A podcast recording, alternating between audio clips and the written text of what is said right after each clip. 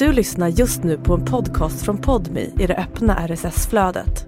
För att få tillgång till Podmis alla premiumpoddar helt utan reklam, prova Podmi Premium kostnadsfritt. Ladda ner appen i App Store eller Google Play.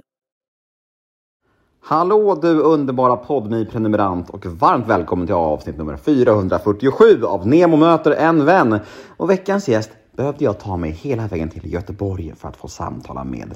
Hon är en riktig legendar inom friidrotten och det känns kul att ha med henne för att ni är många som har önskat ännu fler sportprofiler. Ja, jag ger er den superhärliga Erika Johansson. Och eh, detta bandades på Clarion Hotel Post i Göteborg för några veckor sedan när jag var där på en liten poddtripp och det var väldigt, väldigt lyckat. Många fina samtal fick vi till där.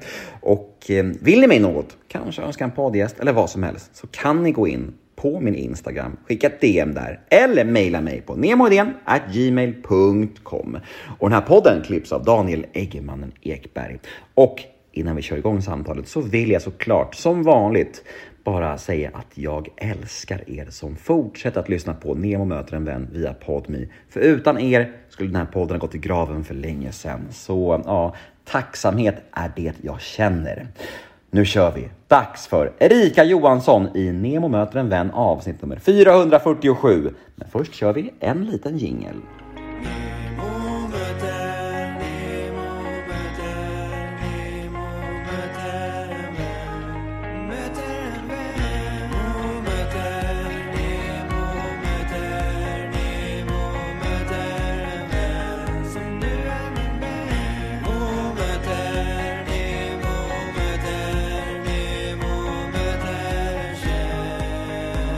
Ja, då säger vi Nemo möter en vän med min homegirl Erika Johansson. Tjena! Tjena, tjena. Tjena, tjena. Välkommen till Göteborg.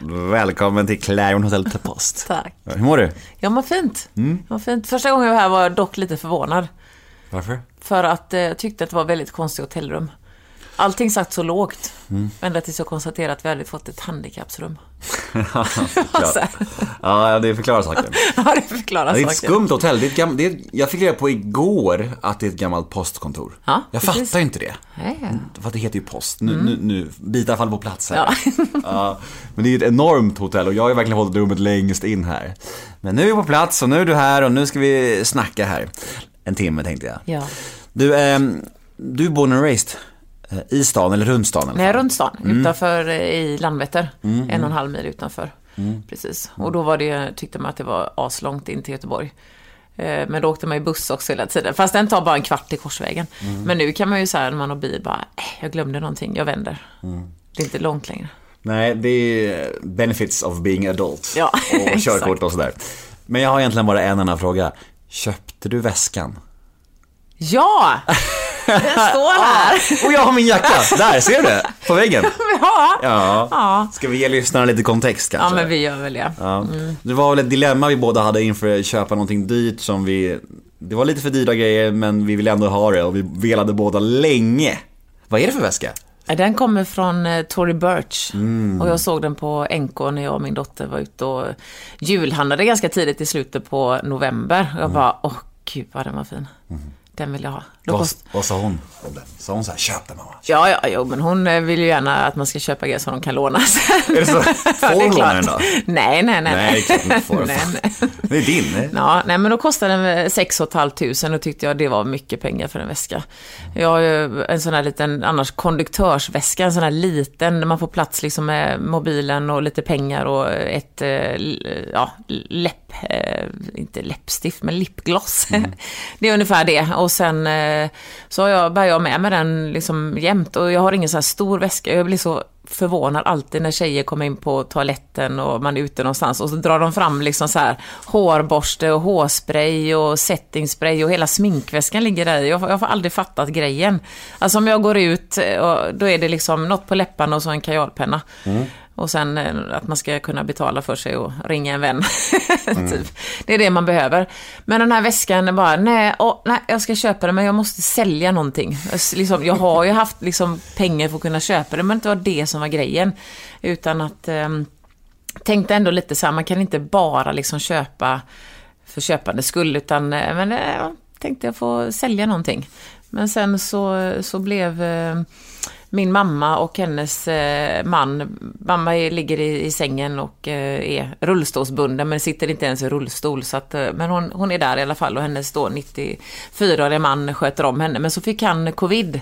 Så då var det jag som fick sköta om dem och då, då fick jag eh, betalt per dag. Och eh, till slut så kunde jag köpa den här väskan. Jag tror du skulle säga så här, då fick jag ansvara för deras kort, så då kunde jag köpa det. Väskan för deras pengar. ja, ja det, men det var ungefär samma sak. Hon bara, men du får, du får pengar för att du är här och hjälper oss. Jag var ju där tre gånger om dagen i, i tio dagar. Så att eh, varje gång jag, jag har den här väskan så bär jag ändå det minnet med mig att jag gjorde en god gärning. Jag var, jag var deras eh, eh, ja, hjälpreda Mm. i, i, eh, innan de fick hemtjänst då. Jag tycker ändå det finns en poäng i det där, att det liksom handlar inte så mycket om man har råd eller inte. Det handlar mest om att det måste gå jämnt ut på något sätt. Man kan inte bara konsumera och köpa saker för sakens skull liksom. Det blir liksom, det, det, det känns bara onödigt på något sätt. Liksom, det måste ändå gå plus minus noll på något sätt. Ja, Så det var en vis tanke. Och det är nog fint idag att vi båda möts och vi har våra liksom så här väska, jacka. Ja. Av en slump egentligen. ja, ja Fint. faktiskt. Fint. Vad heter det? Ehm, vi kan ju faktiskt vidröra vart vi lärde känna varandra. Mm. Vi lärde känna varandra i ett program i höstas. Som en av oss gick och vann. Ja, precis. Och det var inte du. Det var inte jag, men det var du! Ja, det var jag. Ja. Men du höll dig kvar ganska länge Ja, ändå. ganska länge. Ja, fipplade lite med de här burkarna man skulle stapla. Ja, men faktum är att jag åkte ut på en, en fot, eh, en tävling där jag skulle balansera burkar med fötterna. Mm, jag skulle stapla en pyramid. Och jag har haft en trasig fot ganska länge som jag opererade bara för någon månad sedan nu. En liten. Så det är faktiskt, det är, och det är ingen bortförklaring. Det är Nej. faktiskt en legit anledning. Eh, Men du vann alltihop. Ja. Du vinner ju allt känns som. Du, Nah. är, det, är det vinnarskallen eller? Vad, vad, vad ligger det tror du? Nej, men jag tror att det är att... Ja, programmet heter ju Herre på täppan, ska vi säga också. Så, men... Mm. Och det finns att se på Discovery om man vill det. Fortfarande. kan man göra kanske. Ja. Om man vill se Om man vill se. mig fippla med burkar och dig vinna. Ja. Ja, nej men jag tror att jag har en ganska så hög lägstanivå på att vara allround på eh, allt möjligt. Eh, och sen, jag tror också att det som jag har gjort tidigare i tävlingssammanhang i TV låg väl ganska bra till grund för det programmet. För det handlar ju om att eh, i i vilken gren den var aldrig komma sist. Så att man var lite kylig också och inte stressade för mycket. Utan eh, man kollade lite runt omkring och såg att ja, men här är någon som, eh, som faktiskt är sämre. Eller några, så behöver man inte ha så bråttom. Men den här vinnarskallen då? Mm. Tävlingsinstinkten, har den alltid funnits där? Den har alltid funnits där. Men det är beroende på om jag på förhand eh, redan vet att det är någonting jag inte behärskar. Då skiter jag i det. Du kan bara switch off då liksom? Ja. Ja. Jag gör det ändå för att det ska liksom eh, kännas bra och eh, utåt sett. Men jag bryr mig inte. Eh, Som, om vi säger då i Mästarnas Mästare till exempel så är det jägarvila. Då vet jag att jag är usel på det och så är det några som är, är jätteduktiga. Det är inte så att jag sitter och försöker tro att jag kan vinna. Utan då, eh, då blir jag så här lite grinig redan innan för att det är en sån gren som jag vet att fan det här kommer inte jag eh, ta hem. Men det kanske inte är så viktigt heller. Men eh, man lär ju sig med åren också. Det viktigaste för mig, eller det som är roligast idag, det är ju mer att, att vara en del av eh, någonting större. Det är inte så viktigt att vinna längre. Det säger du nu ja. Ja, ja men det beror ju på vad det är. Det inte beror på vad det är. i, i Frihamnen kan jag säga. Nej, nej, nej, det beror på vad det är. Men som sagt, då vet man att man har liksom eh, häng på någonting eller att fan det här fixar jag, då händer det ju någonting. Blir det extra eh, ja, men, sugen på att vinna när det är andra gamla elitidrottsmän med i ett sånt program? Ehm, ja, men vi, vi började med att gå in och så stod man ju en stor ring. Det var det första som alltid hände eh, innan det var en tävling. Och då kunde jag, jag stod, jag vet inte vad du tänkte när du stod i ringen, så här, men jag tittade på ganska många utav dem och bara så här, jag ska i alla fall, för det första jag tänkte var så här, jag ska i alla fall inte åka ut före någon med peruk, för Dolly Styles var ju med. och sen så stod jag så här, jag ska i alla fall inte åka ut före någon som eh, är någon jävla influencer. Och jag ska inte åka ut före någon som, du vet så. Nu, och nu, det är inte så att jag ser ner på Nej, jag influencer, fattar, jag det är inte det. Nej, men nej. det var så här som, jag är liksom idrottare. Jag kan göra ganska många saker. Mm. Och eh, var fan det än kan vara, liksom skala ett äpple eller eh, blåsa ballonger eller så här. Jag, jag kan det. Mm.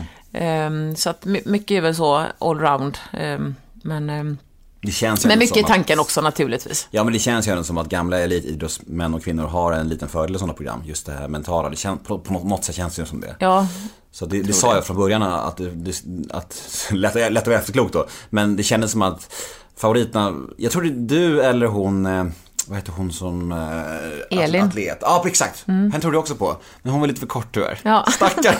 Man ömmar med henne där alltså. Ja, ja, det gjorde man. ja. Ja. Ja.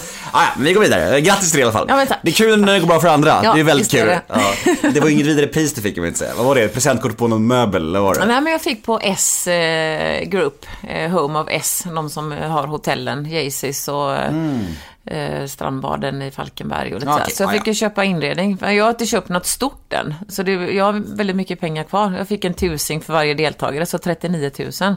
Men jag har ju köpt ett så här hotelltecken och ljuslyktor och en steamer. Fast där har de inga fina väskor dock. Nej, de har inga fina väskor. Ja, strandväskor då. Du, eh, jag tänkte vi skulle börja med två lyssnarfrågor faktiskt. Ja. Som jag fick in idag, nu på morgonkvisten. Första lyder så här. Hur långt har du hoppat inofficiellt? För visst är det officiella rekordet 6,99 eller? 699 är det precis. Eh, men vi har ju mätt på träning och eh, vi har även mätt ett hopp. Och det var faktiskt helt galet. Vi, vi åkte ju alltid ner till Sydafrika på eh, träningsläger då i januari. För att då var bra klimat och ingen tidsomskillnad. Och eh, man kunde bara börja träna direkt liksom, typ när man kom ner nästa dag. Och sen låg det ganska bra i tiden. Man åkte ner då i januari så var man där i ja, typ två veckor och sen kom man hem och så var det tävlingsstart direkt då på inomhussäsongen. Um, och där nere var det en, en tävling som vi har varit och tittat på bara. En helg. Och för det var någon i gruppen som, som, som var med och deltog. Och så sa vi så här, men vi åker hit nästa helg och bara gör en, en tävling bara för att det liksom är kul. Och så kom vi dit nästa helg och då var det inte alls samma eh, grej, utan då var det massa barn med också.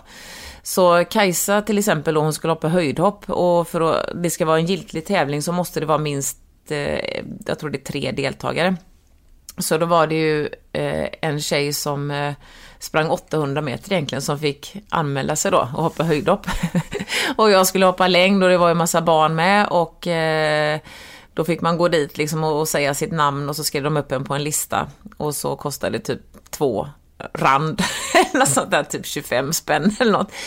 Eh, och sen blåser det väldigt mycket den dagen. Det fanns ingen vindmätare. Det får ju blåsa max då 2,0 meter per sekund för att det ska vara godkänt. Men ingen vindmätare, det blåste mycket. Eh, sen ska ju ytan på sanden ligga kloss an ansatsbanan. Men det här var lite lägre vilket gör då att du får lite mer tid på dig i luften.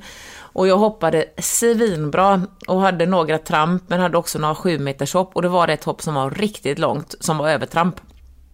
Så de skrek från läktarna då, mät det, mät det. Och det var 7,26. Så att jag har ändå hoppat 7,26 och känt liksom hur det har känts och, och flyga då ja, 27 centimeter längre än mitt rekord. Och det, det är, man har lite mer tid i luften. Det låter konstigt för det tar ändå, det tar, går fort.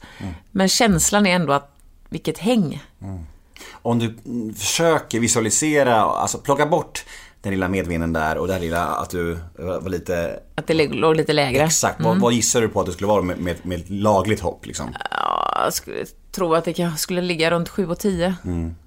Lite surt ändå va? Ja, lite surt. Men det är Men- ändå svenskt rekord. Så. Ja, ja. Och nordiskt. Ja, precis. Men 7 och 11 har väl haft någon tävling också med för mycket vind, har jag för mig. Och så 7 7.00 hopp, har jag hoppat på träning också. Men då mäter man ju från där man sätter foten. Så man behöver inte ha den här plankan för det är ju lite konstigt där ibland. Vad, vad är världsrekordet på? 7.52 Varför är det så stor skillnad tror du på en svenska och liksom... för att det är ett eh, dopat rekord. Ah, Satt 1988 av en, av en ryska. fan. Ja, men... På, eh, på tal om surt då. På tal om surt. Nej men alltså jag kom ju, jag kom ju fram, kan man väl säga, alltså fick ju mitt genombrott eh, tidigt 90-tal. Och sen, eh, det var ju fortfarande lite så i, i eh, kölvattnet utav liksom eh, doping-eran kan man väl säga då. De här öststatsländerna var ju fortfarande en hel del som var på liksom sina kanske sista år som hade använt sig utav de här preparaten. Så att eh, en del har väl åkt fast också under, under mina år som, som aktiv och det är väl det som har varit det tråkigaste. Men man tänker så här, vilka placeringar hade man fått om det hade varit på lika villkor? Men borde inte de rekorden ogiltighetsförklaras? Ja, men det kan inte göra om inte du har lämnat ett positivt prov. Fan vad surt. Vilken, Ja. jävla, vilken jävla fail i systemet på något sätt. Ja, det är det faktiskt. Ja. Det måste, och för er som tävlade då liksom. Fan vad, det måste kännas jävla surt bara på något sätt. Ja, det gör det. Ja, ja. Men, men. Men, men, livet går vidare. Ja, men tänk på många av dem som inte lever längre heller, som har dött i förtid på grund av att de har tagit sina anabola steroider och risfemmor och allt vad det heter. Och här sitter du och är Här sitter vältränad jag och snygg ja, precis, och ung. och mår bra. Ja, och vinnare här på trappan. Ja. Får och köpa väskor till höger och vänster. Ja, eller hur. Ja, men vad fan. Det är, det är ändå, det är fan, det är, det är intressant det där med att liksom, du tävlar för någonting hela ditt liv och sen så liksom så här är det ändå man är omkörda av ett fusk som liksom kommer fram i efterhand. Det där, är liksom, det där, är, det där stör mig alltså. Mm. Men det är, ja. Du, eh, vi ska leka en lek. Tycker du om lekar? Jag älskar leken. Det vet ju jag. Är det arga leken? Jag gillar inte den. Arga, Har du kört det någon gång? Ja, den Var du med i tråkig. Christian Lok-programmet? Nej, var jag inte. Det borde du ha varit. Det var på din tid. Ja, det var ju det lite. Ja. Men de hade inte så mycket sportgäster där tror jag. Det känns inte som att han hade så mycket sportare där. Nej, det kanske var lite mer artister och sånt. Ja, det känns som det. Ehm, vi ska leka en lek som heter associationsleken. Går ut på att jag säger ett ord.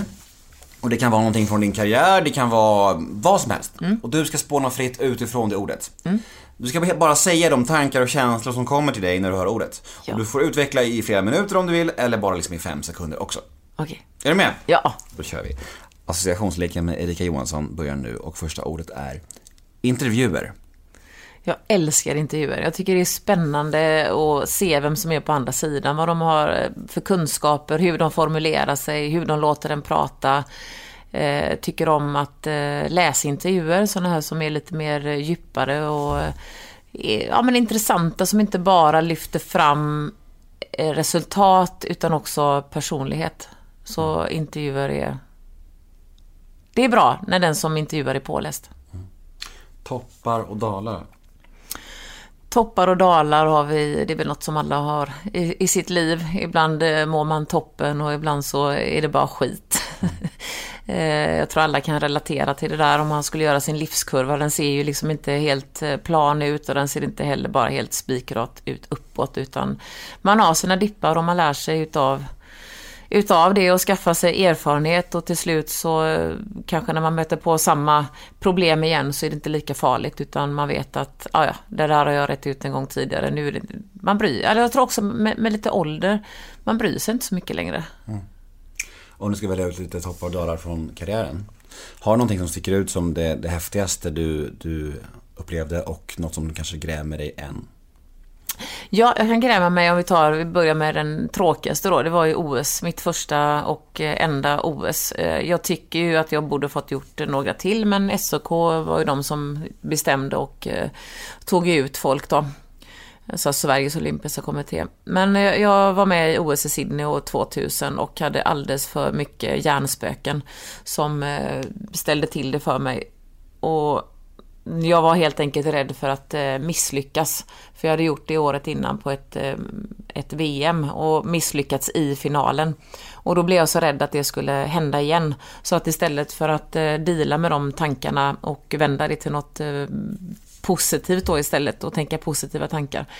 Så var mitt enda huvudbry hur jag skulle eh, agera när jag kom ut i den här mixade zonen och mötte alla journalister efter att jag inte hade gått till final. Så att jag iscensatte det, det sämsta möjliga och jag levererade precis så som jag hade förberett mig för att göra.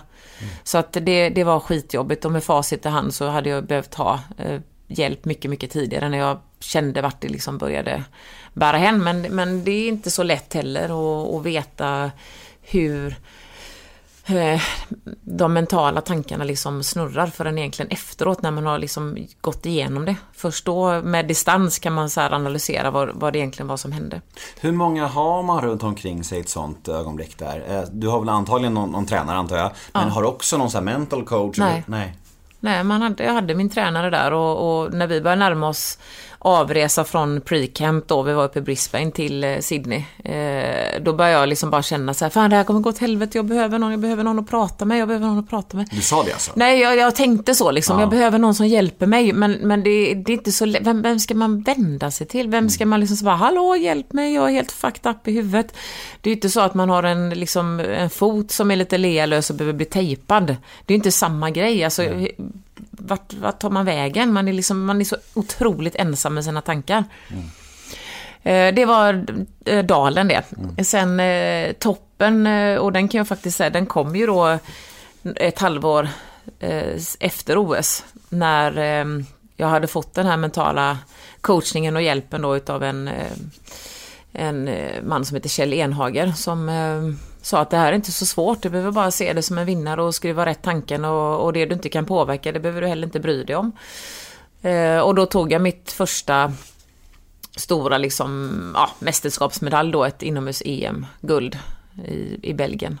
Eh, så att det, det är skönt när allting bara flyter, när man inte behöver tänka. Man är en vinnare redan när man kommer in på uppvärmningsarenan. Det spelar ingen roll vad de andra hoppar eller vad de gör eller hur de värmer upp eller hur de ser ut eller vad de har för skor. Alltså, för man vet att man själv är så jävla bäst. Hur mycket tror du är liksom träningen och hur mycket är talang när det gäller eh, elitidrottsmän överlag? För det känns som att det, alltså, om man kollar på fotbollsvärlden till exempel så känns det som att Alltså Ronaldo kanske är mer en träningsprodukt än till exempel Messi som kanske är mer renodlad talang. Om man, om man ska, alltså klart att båda är, båda är både och såklart. Men du förstår vad jag menar. Hur mycket tror du var för dig? Nej, men alltså det här är, handlar ju väldigt mycket om tonåren, att kunna behålla så många som möjligt eh, upp över gymnasieåldern. För man vet ju inte, när man börjar, vi säger att vi, vi har ett gäng på tio stycken som börjar, vi tar friidrott nu för eftersom det är min gren. En procent ska man veta av alla som börjar idrott överhuvudtaget når liksom eliten. Och då pratar vi kanske eliten i ditt land då. Eh, och eh, vi har tio stycken som börjar friidrott när de är 13 år gamla. Eh, två stycken har en enorm fallenhet, alltså vi kallar det talang då. De har lätt för sig.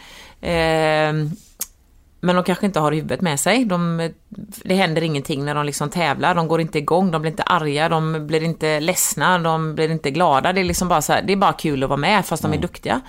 Så kanske du har två stycken som, som är fruktansvärt alltså, talangfulla och har det mentala.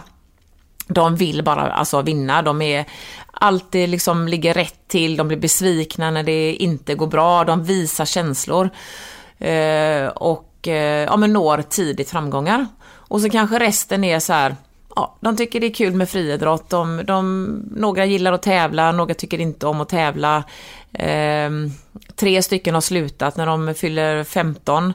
Eh, tre stycken är kvar, då har vi alltså tre, fyra, fem, så har vi sju stycken kvar. Och de är viktiga att behålla för du vet inte vem som utvecklas som en träningsprodukt sen. Eh, De som redan är talangfulla och eh, kommer upp då i 15-16, de får det lite svårare, men de som är träningsprodukter, de kanske kommer upp i deras standard när de är 18. Och sen kanske det är de som utvecklas mer. Men det är det som är så, så klurigt, för det är många som slutar på grund av att de inte når framgångar tidigt.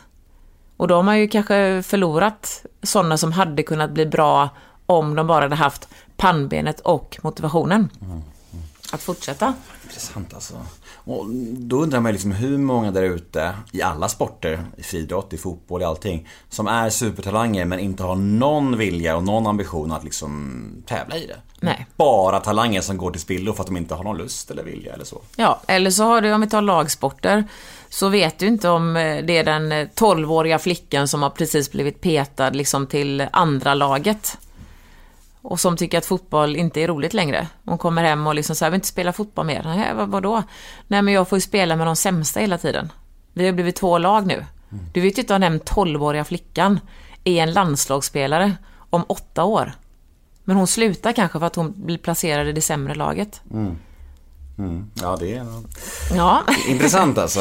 eh, Det där med utveckling. Ja, nästa då. Eh, livet efter karriären. För att jag tänker så här, att det finns ju ganska många exempel på um, olika elitidrottsmän och kvinnor som efter karriären blir lite vilsna. man har liksom lagt ett helt liv på en viss sport och sen så, så kom ett vakuum, ett tomrum och identitetskris kanske. Mm. Uh, hur var det för dig och, och vad tänker du om det här generellt? Nej men jag tror att det är lite som man är som människa också. Vissa har en plan redan från början. De tycker det är kul, de håller på med idrott, men de har tänkt att efter karriären då ska jag läsa till, eller så läser de under tiden. Det finns ju många som gör det också.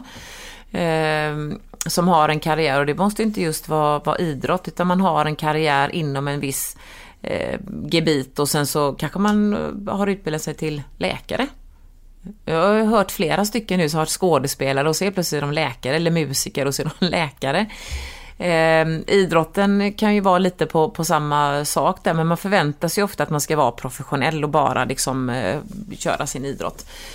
Eh, för min del så ehm, kommer jag ihåg att jag såg en dokumentär när jag själv var aktiv som hette När applåderna tystnar. Och det var före detta elitidrottare, alltså våra bästa i Sverige inom sin idrott som eh, man hade föl följt då efter karriären och det blev helt tyst. Och man gick runt i en fabrik och jobbade liksom och telefonen den ringde inte längre och det, det var, man var bara typ vanlig. Mm. Eh, och då kommer jag ihåg att jag blev så tagen av den dokumentären, för jag ville verkligen inte ha det så. Jag vill inte bli en vanlig bortglömd liksom, person efter det tar slut. Då hade jag ju också fördelen att eh, det hände så mycket under min karriär, alltså från det att jag var alltså, från att jag var 18 kan man säga. Det hände mycket i friidrotten i Sverige. Det var inte en konkurrens om det på samma sätt idag att slå igenom. Det fanns eh, typ fyra kanaler. Ettan, tvåan, trean, fyran. Jag tackade ja till mycket saker, eh, mycket tv-program. Tackade ja till Melodifestivalen som en helt galen grej när jag, jag var 19. sjöng eh, We are all the winners, körade bakom Nick Borgen.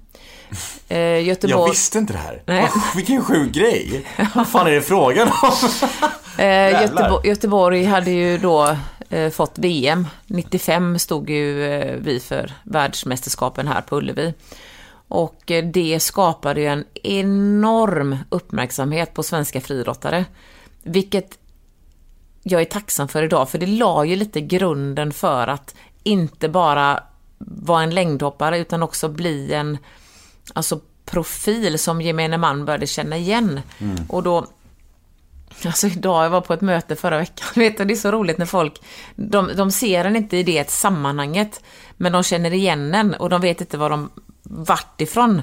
Och då var det några damer som var så här, men gud, men gud, det känner jag, jag såg det direkt när jag såg det. Så henne känner jag. Men har du bott på Hisingen? Bara, eh, ja, det har jag i och för sig gjort liksom, men bara, det ja, kanske inte är därför du känner igen mig. Ja. Eller så är det så här, ja men har du jobbat på, bara, nej det har jag inte. Men du gör reklam för någonting va?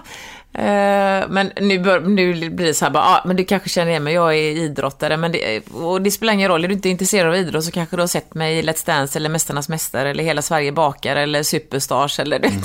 mm. man, man bryr sig inte längre, det är ju bara jobbigt för, för folk att fundera.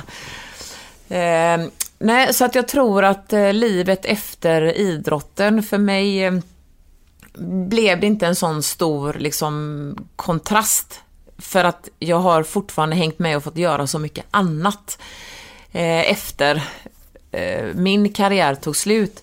Men med livet efter själva idrotten var ju tufft ändå. Det var ju en sorg, en sorgeprocess. När man inte väljer själv att sluta utan eh, jag valde att skaffa barn och tänkte att det blir ett, ett bra år när det bara är ett Europamästerskap. Och så kommer jag tillbaka och är jag tillbaka nästa år är det en bonus. Men sen var det ju OS i Aten 2004 och så EM i Göteborg 2006.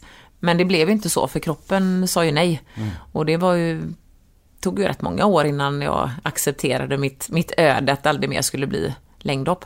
När du säger kroppen säger nej så menar du att det liksom inte gick att träna träna upp dig till samma styrka igen? Eller? Ja, jag var i, i väldigt bra slag eh, nästan ja, knappt ett år efter att eh, Tess var född. Men eh, jag fick nervsmärtor i, mitt, i, i bäckenbotten eller i bäckenet och stressfrakturer mm. och sånt där. Så att jag kunde liksom inte, jag kunde inte maxa upp min, min fart helt enkelt. Alltså det, du nämnde det nu, du har gjort otroligt mycket olika TV-program ju. Jag tänkte på det när jag satt här idag, jag var tvungen att kolla runt och nu, det är så här, det är jättemånga olika program. Ja. Jag tycker vi ska gå igenom alla Åh, dem. herregud. Och så ska du bara, men du får säga några, några Okej. snabba ord om varje. Okej. Det är liksom ett segment i segmentet kan man ju säga. Eh, börja med Let's Dance. Let's Dance. Eh, andra säsongen, jag dansade med Daniel da Silva här från Gbg.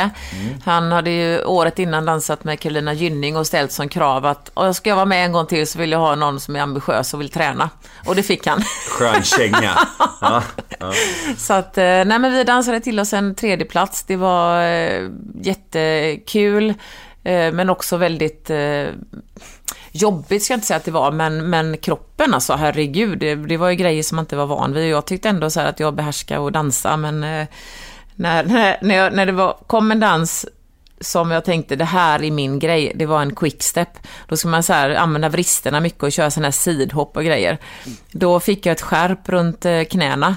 Och, så, och då sa han så här att eh, jag sätter det här för att eh, när jag dansar med dig så känns det som jag är ute och rastar en rottweiler. Fan alltså. Bra betyg. Bra betyg. Ja, nej men det, det, det gick bra. Det var kul. Hela kändis-Sverige bakar. Mm.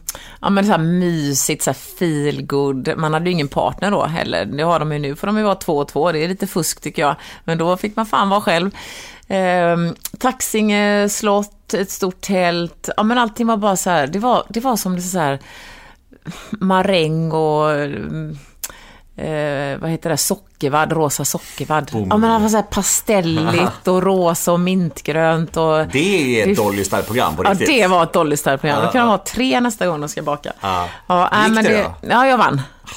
Ja, Det jag är vann. det jag menar, jag har massa vinster av det i bakhuvudet. Det är det jag menar. Du, vi- vinna, trea, vinna. Fan vad grym du är alltså. Och, alltså och, Men mycket var mammas förtjänst där. Hon, har, Ja, hon ja. har ju älskat att baka. va, Så hon hade gjort så här bakschema till mig. Liksom, hur Jaha. jag skulle göra. Hade du någon tidigare baktalang alls förutom mamma? Eh, men alltså, jag bakar väl kladdkaka och bullar och sånt. Men inte, inte på den nivån. Och dansen då? Hade du någon, tidigare, tidigare alls? Nej, nej, nej, Och ändå kom du trea. Det är det jag menar. Du, du, du är ju bra på allt du ger dig fan på uppenbarligen. Din jävel. Fan. Ja. Jag, som sagt, jag ska göra, tävla i höst här. Så då ska, jag- då, då ska jag ta, ha dig Men som synd men, att inte mental jag är coach. synd, det är bra. Det ökar mina chanser. Du, du är inte med uppenbarligen. Okej, eh, nästa. För, är jag rätt ute att du också har gjort Mästerkocken VIP? Ja! Gjort... Ja, fast, fast det, det, var ju för att eh, hon Josefin Ökvist eh, träffade henne på Superstars, eh, en fotbollsspelare. Mm. Och då sa hon så "Åh, jag har precis spelat in Mästerkocken, det var så kul. Så frågade hon i frågan så tackar jag. Och så ringde de ju sen och jag bara, jag är med.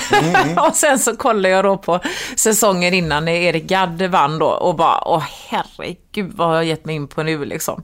Alltså jag kan laga mat, men, men det är ju det här man ska ju vara så eh, flexibel också. Vad gör man med en blomkål och eh, liksom citronmeliss och en iberico-gris liksom? Vad gör man med det Ja, tillsammans? svara på det nu. Ja, svara på det du. Jag har ingen aning. Nej. Nej. Nej, men det var ju bara att försöka få till det så bra som möjligt. Men, men jag tror att eh, en, en riktigt, riktigt bra liksom, eh, kock eller att man är bra i liksom, köket, då är man van att ta ut svängarna rätt rejält. Eh, jag är ju mer så här husmanskost och ja men det är kul att grilla och sådär liksom. Men that's it ungefär. Men sen kan jag ju, jag kan ju blanda till liksom en kanongod marinad. Men ehm, ja, där kom jag inte trea och inte fyra heller. Jag kom femma. Ja, men det var ganska kast. Jag åkte inte ut fort Äntligen. först i alla fall. Ja, Ja, men det min akilleshäl. Ja, verkligen. Jag, jag har funnit den. Ja. Till slut så hittade jag något där du inte var topp tre i alla fall. Det känns lite, lite lugnande i min själ. ja, bra. Ja, eh, vi tar Mästarnas Mästare. Eh, japp. Det var ju Där då... vann du väl? Nej, det var jag tre också, faktiskt. Det var ju första gången som Mästarnas eh, gjorde. Och vi hade ju ingen aning om vad, vad det skulle bli av det. Då var alla där samtidigt. Man åkte ner till ett hus då i, eh, det var i Andalusien i oktober i Spanien. Kallt, Var det? ruggigt, regnigt. Men det var ju på den tiden som det faktiskt var riktiga stjärnor i programmet också. Ja, det var det. Mm, Nu är det mer så här. "Va- Vem? Va? Vem? Ja, nej, men det var bra. Men, jag, Här vill du inte hålla med, det är dina kompisar, eller? nej, nej, det är inte mina kompisar. Några av dem. Men, nej, men Okej. alltså, jag tänkte på detta. Vi har precis varit iväg och haft eh, ett träningspass här. Och då diskuterade jag Mästarnas mästare. Eller jag hade nog en mer monolog med dem medan de tränade. Ja, men det här att eh, det borde egentligen vara en åldersklass i Mästarnas mästare. Man borde köra liksom, ja men 40 till eh, 50, ja men lite så typ som det är i veteranklasserna. Eh, för att det blir orättvist. Det, eh, och sen, eh, visst, nattduellen är skitspännande, men det borde inte avgöras där. Man borde inte åka ut för att man är liksom lite långsam i reaktionen och, och plocka en, en stav som släcker. Nej. Jag tycker, man vill ju se allas kunskaper så mycket som möjligt. Alla borde vara kvar hela tiden. Man borde inte åka ut, men bara samla poäng. Och så har liksom någon twist på det kanske i slutet då. Då skulle det kunna vara en, en jaktstart med alla. Men liksom tänk dig att det är 12 personer och så får alla göra alla grenar och så samlar man poäng. För man har ju olika svagheter och styrkor naturligtvis. Och sen det sista så har man en jaktstart med olika moment då med, med löpning och så springer man till någonting och så gör man någonting där och så fortsätter man och så släpper man iväg en efter en och den som har bäst poäng får starta först. Mm. Mm. Jag kom på en sak när du sa det här med veteran. Du nämnde det nyss, det ordet. Då kom jag på att jag hade ju två lyssnarfrågor i början. Jag missade Ja, en. den hade jag kommit på om inte du hade sagt det. Hade du? Att du hade en till, ja. Jaha, Ja, bra. för jag är så nyfiken om mig också. Det är en av mina, jag vet inte om det är en bra egenskap, men det är jag bra tror det. jag. Jag är och, sjukt och, och bra minne uppenbarligen också. Ja, jag är med. Men, men, men många bra egenskaper. Fan, det här blir ju verkligen rövslickeri här. Det ska inte vara. Eller det kanske det ska vara. Du är ändå en poddgäst. så det är rövslickeri bra. Du är en fantastisk människa Erika. Jag tackar. Andra lyssnarfrågan rörde Mm. nämligen just det här med veteran. Och den, eh, nu blir det lite hoppigt här, men det kan nog lyssnarna hantera. Eh, varför tävlar hon inte längre som veteran? Eftersom hon är så otroligt vältränad fortfarande. Hon skulle säkert ta världsrekord för sin ålder. Ja, men är det ens intressant då? Vem minns det? Vem vet vad världsrekordet för min ålder är? Jag vet inte ens själv. Det är så sant. Ja, Det är Vem bryr sig? Vem bryr sig? Så pensionärs... Ja. Nej, du är inte pensionär, men du tror jag menar. Ja. Det blir så här bara... Nej, man kanske mest bara ömmar för dem. Som, som... Nej, men faktum är så här. Jag ska svara ärligt på den frågan. Gör det.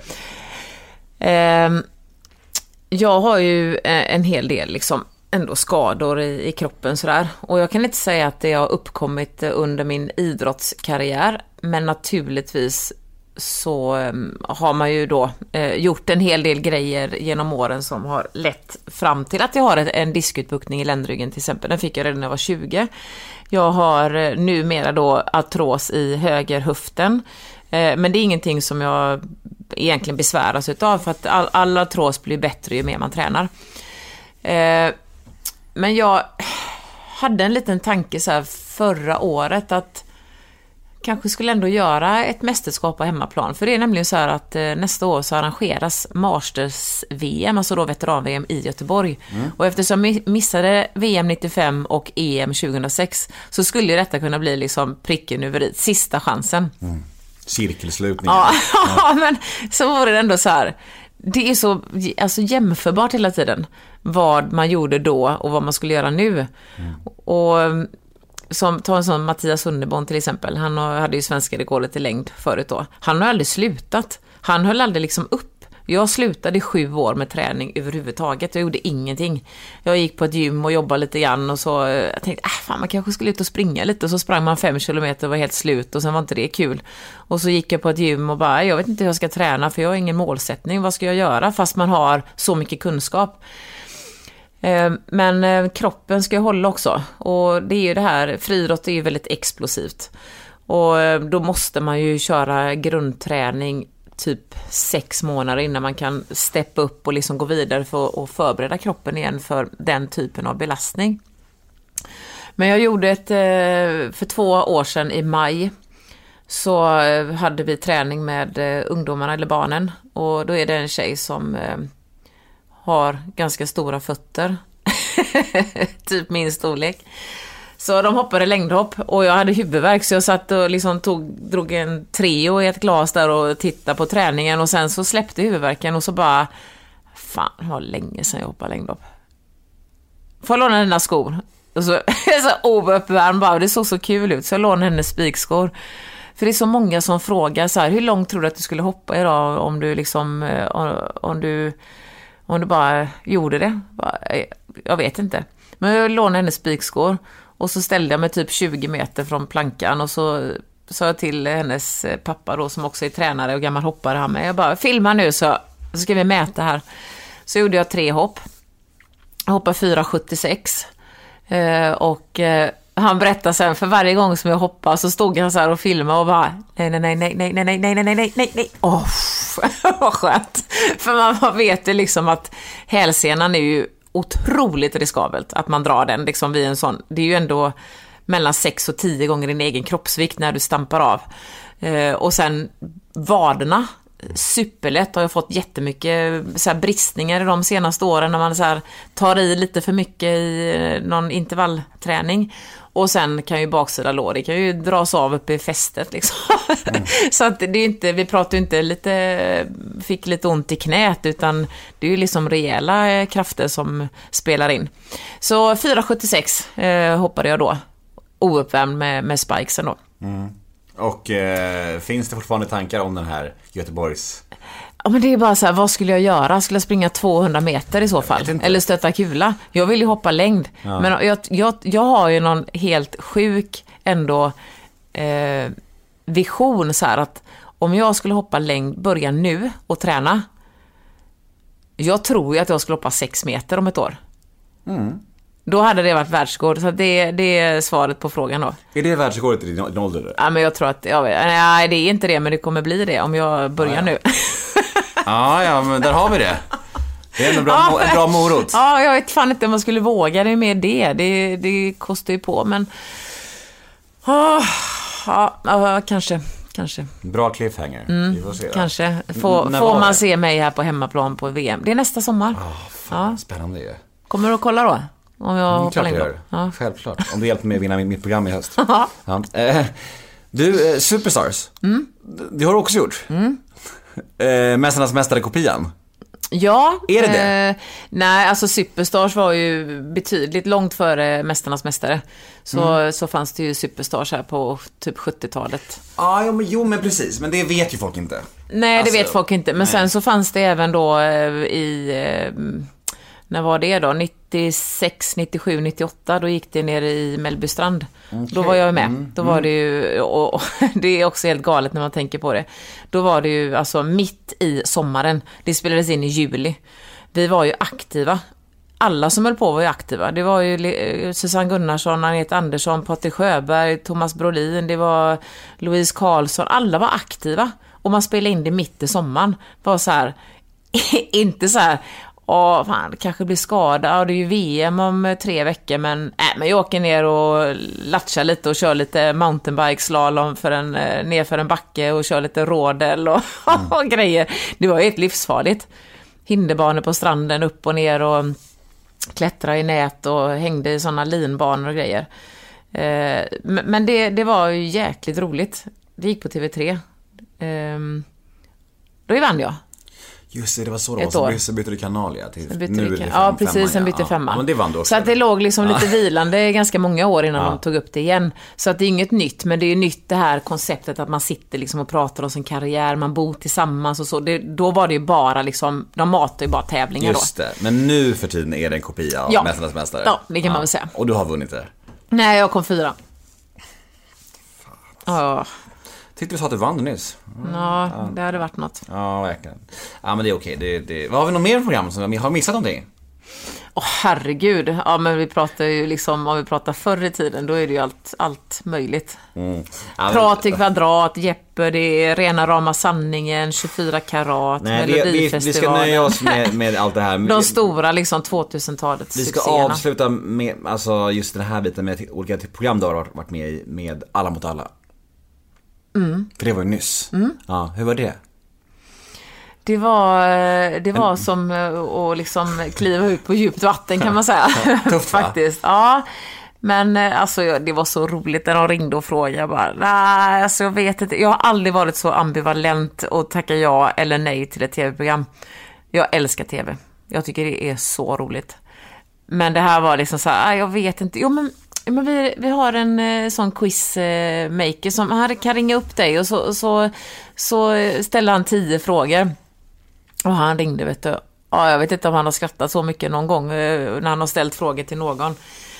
Jag hade tre rätt av tio och det var precis i den genren som jag tänkte att ja, där är jag väl ändå hyfsad. Det var typ sådana, vad heter Michael Jacksons apa?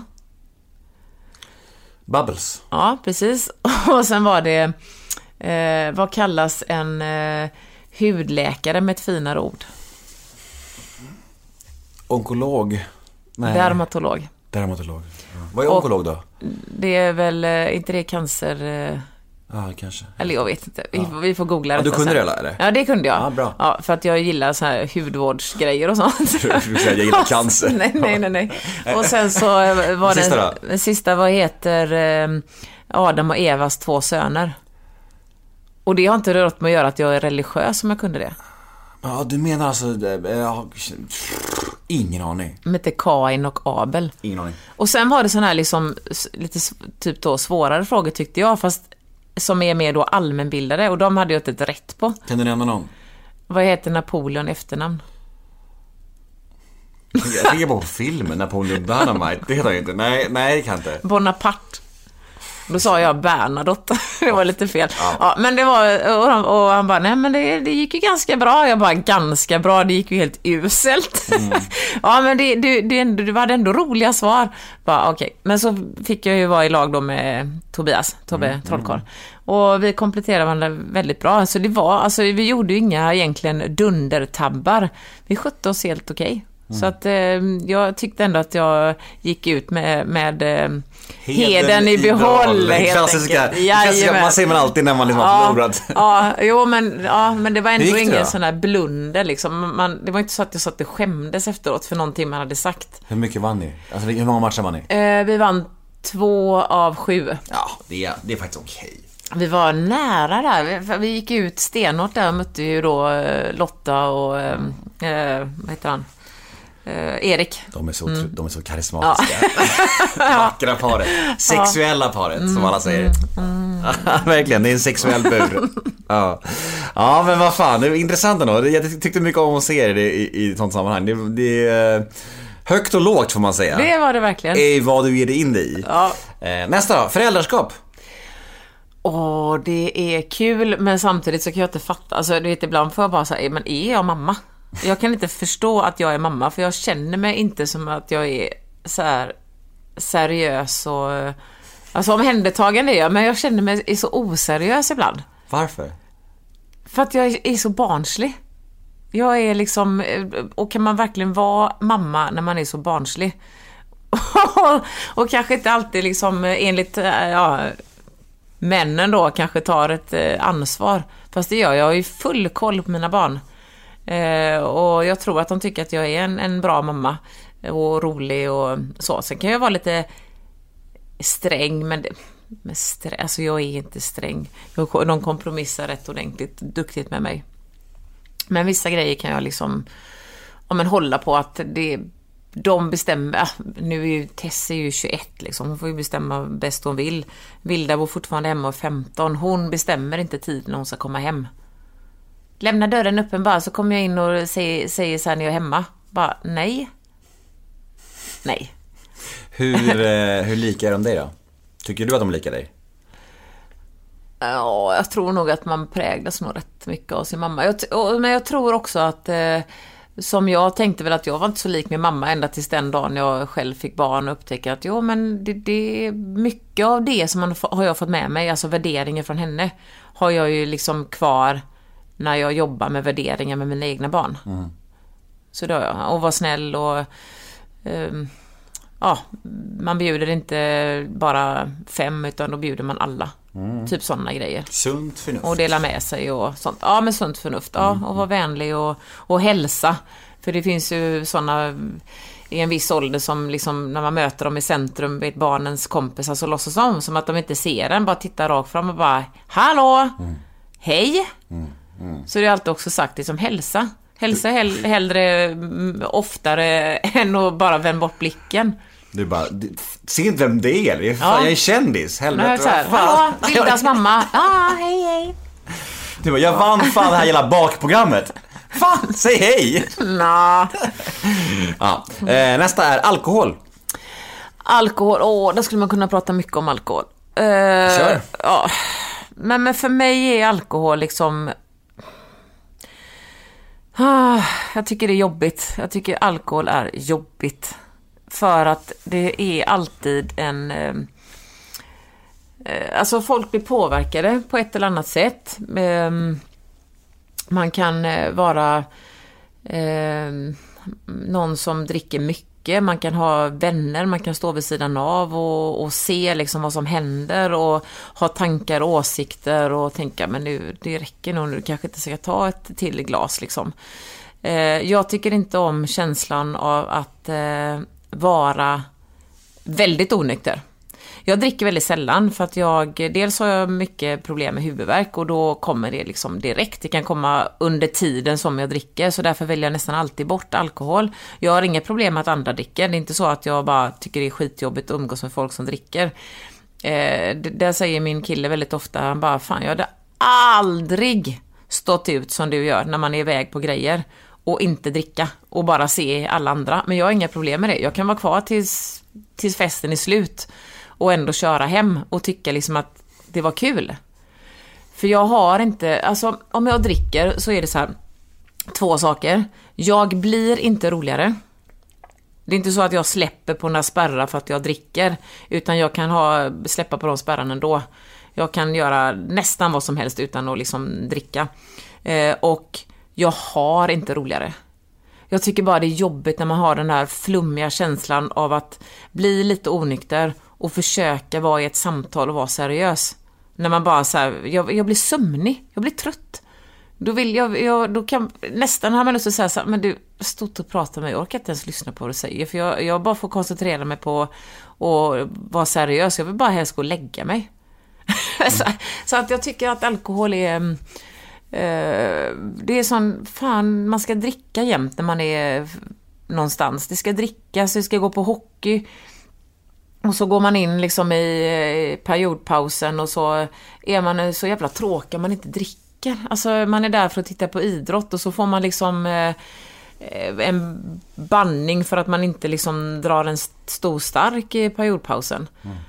Ja, Jag, jag tycker att vi har en väldigt, väldigt tråkig alkoholpolitik i det här landet. Alkoholkulturen i Sverige är skev. En jätteskev. Ja, det är verkligen så här. Det är, känns som att det är nästan värst i Sverige, alltså i hela världen. Det, jag tror inte det är så här i andra, andra länder liksom. Att man ska känna sig som ett ufo för att man inte dricker liksom. Och bli scammad och ifrågasatt och så här. Alltså det är så här, det är så jävla osunt på något sätt. Men är det så då att man, man själv tycker när man står där och dricker liksom att eh, det är bättre om alla dricker för att då, då, kan det, då kan det släppas loss så kan det bli en jävla fest här. Ingen aning. Jag vet inte. Men jag kan liksom dansa eh, utan att behöva dricka, jag kan ha kul, jag kan liksom garva, jag kan... Eh, men jag kan göra nästan vad som helst utan att jag behöver vara full för det. Mm, ja, jag håller med. Märkligt. Jag undrar var det kommer ifrån. Och när man var alltså, aktiv och idrottare och man var ute liksom och inte drack, då var man ju, då fick man ju såhär bara, fan vad du är trå-" Alltså just man är tråkig. Man är tråkig när man inte dricker. Alltså jag hatar det när de kommer fram och säger såhär, fan vad du är tråkig som inte dricker. Jaha, men hur rolig är du själv? Och drack man, då var det ju fel på det liksom. Jaha, så du är elitidrottare och står här och dricker? Man bara, ja, och du behöver bry dig om det eller? Nej, så att jag tycker att det är... Låt var och en få göra som de vill och så sluta kommentera och ha åsikter. Mm, är helt enig. Där gick jag igång lite. Ja men det är bra, jag håller med. Så det, jag, tycker, det är intressant att prata om det där. Det är verkligen... Jag, förstår det liksom inte. Jag förstår inte var det kommer ifrån, jag förstår inte varför det ska vara så. För det är så här, det, det är ett strukturellt problem på något sätt. Ja, men sen kan jag tycka, alltså vi käkade en jättegod köttbit här i helgen liksom och gjorde i ordning god mat och då frågade jag Henke så här, men vill du dricka? Jag bara, nej men jag kan faktiskt tänka mig att ta ett glas vin. Men då är det ett glas vin. Det är inte så att jag brallar på liksom och bara går till bag-in-boxen och liksom fyller på vin efter vinglas och dricker sen resten av kvällen. Bralla på, bra uttryckas. Ja. Eh, nästa då, att åldras.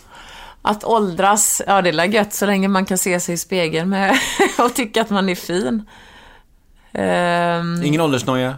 Du fyller 50 nästa år. ja, jag gör ju det. Hur känns det? Det känns jätteudda.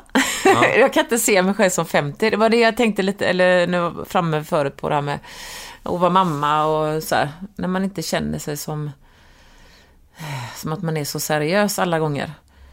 Ja, men jag är nog lite barnsligt lagd helt enkelt. Men eh, man ska aldrig jämföra sig med andra heller, men, men det, det kan man ju göra när man är 50 tycker jag. Men du är ju en snygg 50-åring. kan man, eh, får man säga. jämföra sig med varsågod. andra. Ja, tackar, tackar. Det ska du- det ska du tackar, ha. tackar. Det Ja. ska du ha. Nej, men jag är nog lite, jag är väldigt så, alltså mån om eh, med utseendet. Det är jag ju. Mm. Ehm, och tycker så här med vissa saker är så här, nej fan det borde jag åtgärda, det borde jag fixa till liksom. Men det är ju ansiktet man ser. Men är du en sån människa som, som liksom går i de tankarna att du kommer börja pilla med plastik och sånt där fram, fr- framgent? Nej. Nej, du känns inte som det nä- nämligen. Nej, för vet du när jag tittar så här, jag har ju testat liksom botox och haft det i pannan och men då blir det alltid något annat, så åker pannan ner så blir den stel och då hänger ögonlocken och bara, nej du måste operera ögonlocken och sen så, det blir liksom något annat hela tiden och sen så tittar jag mycket, man tittar ju mycket på, alltså på TV och så ser man de som har gjort det och det är liksom de, de är helt glansiga i ansiktet, de har inga ansiktsuttryck.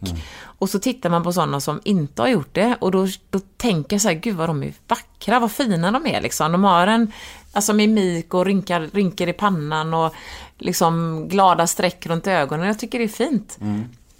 Men ändå så är det så svårt när man själv ser sig i spegeln och, och ser det och tänker så här, ja nu ser jag ser ut så, fast jag tycker ändå det är fint. Jag gillar ju inte det här liksom plufsiga, upp, liksom pumpade ansiktet med fillers i kinder och stora läppar och sånt. Jag gillar det inte. Dilemma, hörru. Ja, det är, jätte, det är superkrångligt. Man brottas liksom med tankarna själv. Ja, framförallt som kvinna tror jag, tänker jag Ja, också. men det gör man. lite mer utsatt utseendemässigt, tänker jag. Ja. Och att det liksom Men finns... samtidigt så liksom, man säger så, ja men man ska bromsa åldrandet och... Men för vem skull gör man det? Exakt, och det finns ju faktiskt andra sätt än operationer. Ja, Man kan ju men... träna och äta bra och... Ja, och jag går på så här ansiktsbehandlingar och håller liksom huden fräsch och, och jag tycker det är, det är väl okej men, men att börja liksom med fillers och trycka ut sina rynkor och sina läppar och, och allt vad det är. När ska man sluta?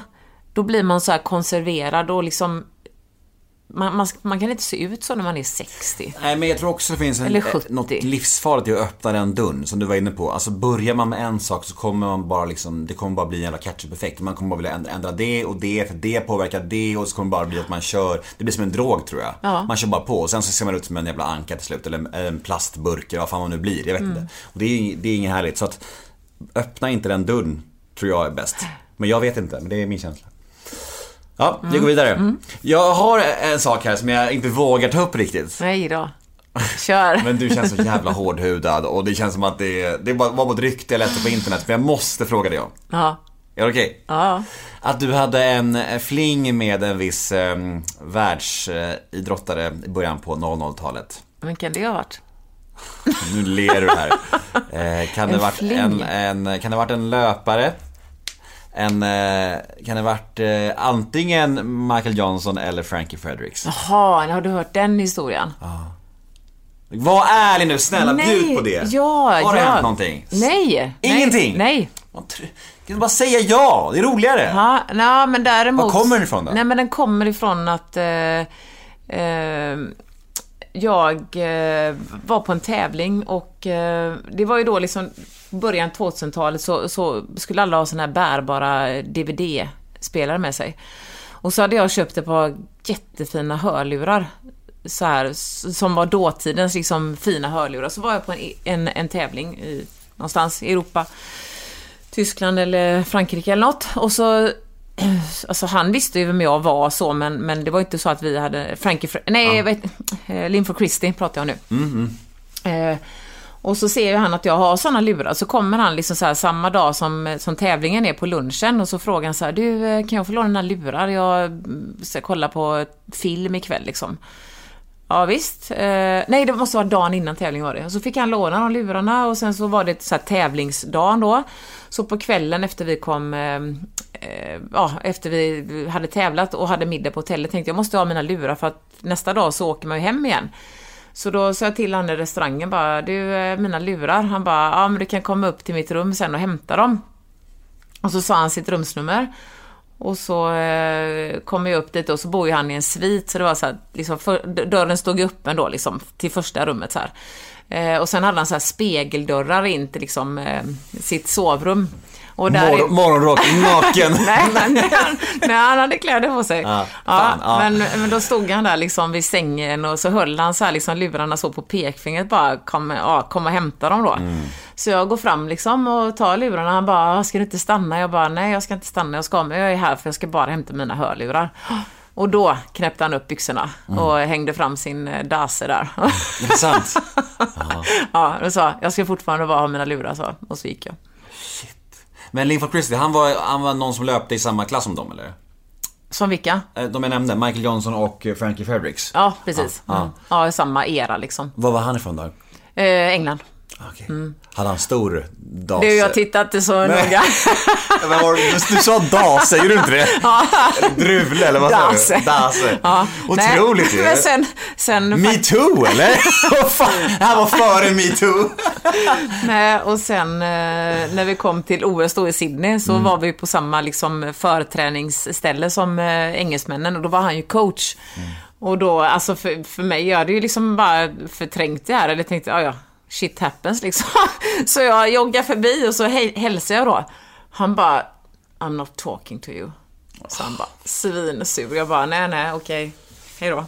Du bara, du, jag kan, anmäla dig i framtiden för det här. Nej, vilken historia. Ja. Speciellt ändå. Lite kan man säga. Ja. Lite självgod sådär. Ja. Han tänkte väl att ehm, han hade halva inne kanske. Kanske. Ja. Jag har faktiskt hört en till, ett till rykte om dig. Vill du, vill, vill du höra det eller ska vi in, inte, inte ta upp det? Det blir jobbigt om det stämmer eller? En till elit. Nej, nu kör vi inga fler. Okej, vi tar den efter inspelningen istället. Nu var det jobbigt här, för du vet att jag har något på spåren här, eller? Ja. Säkert. Ja, ja nej, men vi tar, vi tar det efter podden då. Taskigt mot lyssnarna nu, Ja, nu, nu blir de nyfikna. det får, så får det vara. Vi ska avrunda podden med lite snabbfrågor. Mm. Paradrätt. Åh herregud. Eh, paradrätt. Åh fan. Vad kan det vara? Eh, det är liksom inte så här självklart. Paradrätt. Nej, jag vet inte. Eh, men jag är så bra på många olika rätter.